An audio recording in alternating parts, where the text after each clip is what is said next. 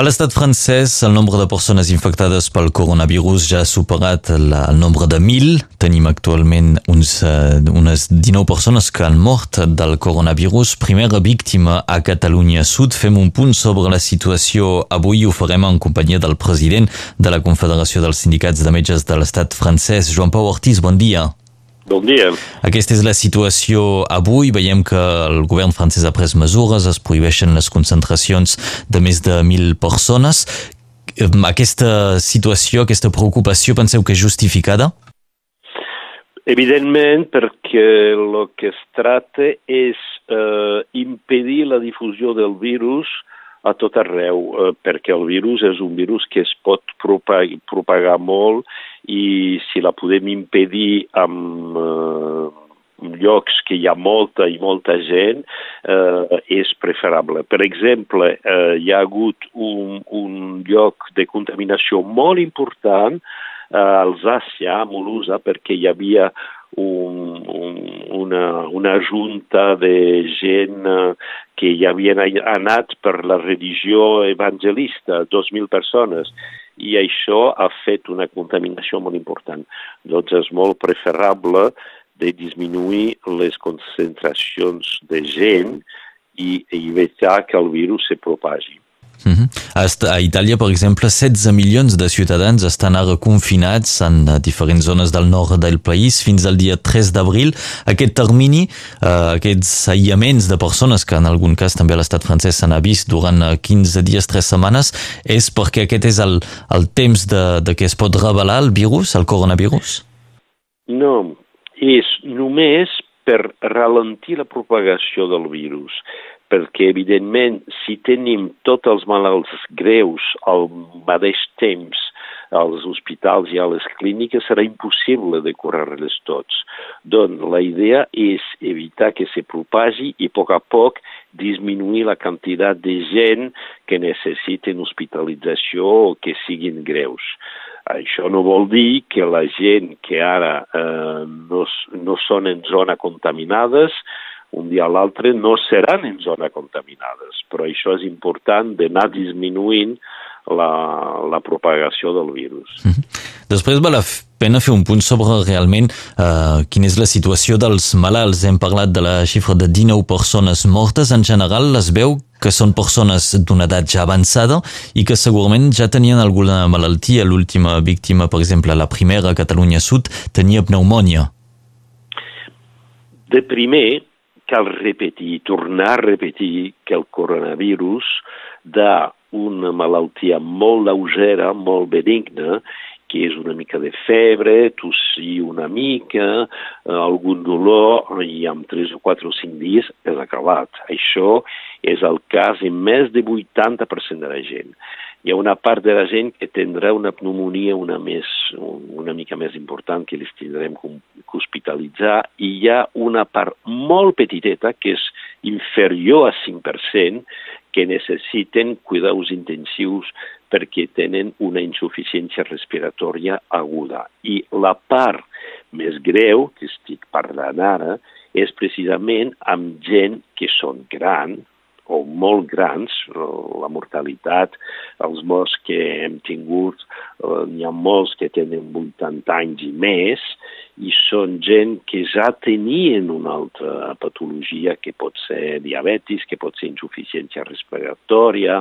que pot ser insuficiència càrdiac, que pot ser eh, una gran obesitat, bueno, coses que són factors que afavoreixen una gravetat de la infecció amb el coronavirus. Mm -hmm.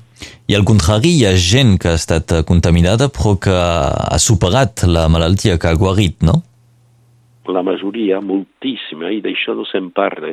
És molt curiós perquè cada dia donen la xifra de morts i no donen la xifra de la gent que s'han guarit. Eh, I, evidentment, això participa una mica al pànic que tothom té, perquè eh, només parlen dels morts. Eh, evidentment, dels 1.100 i alguna pacients que han tingut el coronavirus a França, l'immensa majoria o ja han guarit o guariran.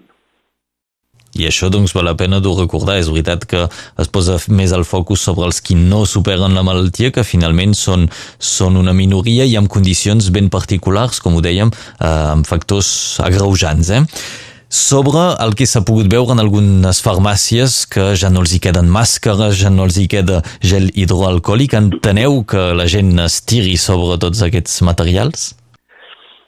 Primer cal explicar a la gent que la màscara al carrer, per exemple, no serveix de res perquè el virus se transmet més o menys com màxim a un metre d'una altra persona que porta el virus. Si esteu a més d'un metre d'una persona, no passa res. I se transmet quan la persona tossís, eh, i, i no d'una altra manera. L'altra l'altra manera de contaminació és amb la mà, i això és molt important us teniu, tothom té que rentar les mans cada hora, cada hora, i això és tant o més eficaç que el gel hidroalcohòlic. Si no hi teniu la possibilitat de rentar les mans perquè no hi ha aigua i sabó, doncs passeu-vos una mica de gel hidroalcohòlic. En aquest moment, el gel hidroalcohòlic no se'n troba eh, amb facilitat en les farmàcies, però s'ha decidit que les farmàcies podien fabricar-lo. Doncs en trobarem, no serà gel, serà loció, però és igual, serà una mica més líquid, però en trobarem a les farmàcies. En quant a les masques, eh, les masques són reservats a la, als metges i a la gent que, que se'n cuiden de, dels que porten el coronavirus. No és per tothom, sinó una petita franja de gent exposada al coronavirus i que són molt fràgils. El doctor Ortiz, recordem que som el president de la Confederació del Sindicat de Metges de l'Estat francès. El govern va anunciar ahir una sèrie de mesures per alleugerir les condicions de l'exercici de la telemedicina, és a dir, consultar un metge a, a distància. Això per evitar doncs, que també hi hagi molta gent a les sales d'espera i que finalment doncs, això també contribueixi a, a escampar el, el coronavirus. Penseu que és una bona mesura? Penso que és una mesura per facilitar sobretot la vigilància d'una persona que té un coronavirus perquè una persona, per exemple, gran, eh, que, es va, que es quedarà a casa perquè de moment no té cap criteri de gravedat, eh, sabem molt bé que molts, eh, molt sovint tenen els criteris de gravedat al començament a la segona setmana. I això es té que vigilar a casa, quan se queda a casa, eh, um, i la telemedicina, la teleconsultació ajudarà molt per a aquella vigilància i evitarà que aquella persona que té el coronavirus, que, tos, que té tos, que té una mica de fiebre, que és gran, se queda a casa i amb teleconsulta, inclús ajudada, per exemple, per una infermera, eh, poder fer una teleconsulta amb el seu metge per vigilar que tot vagi bé a casa.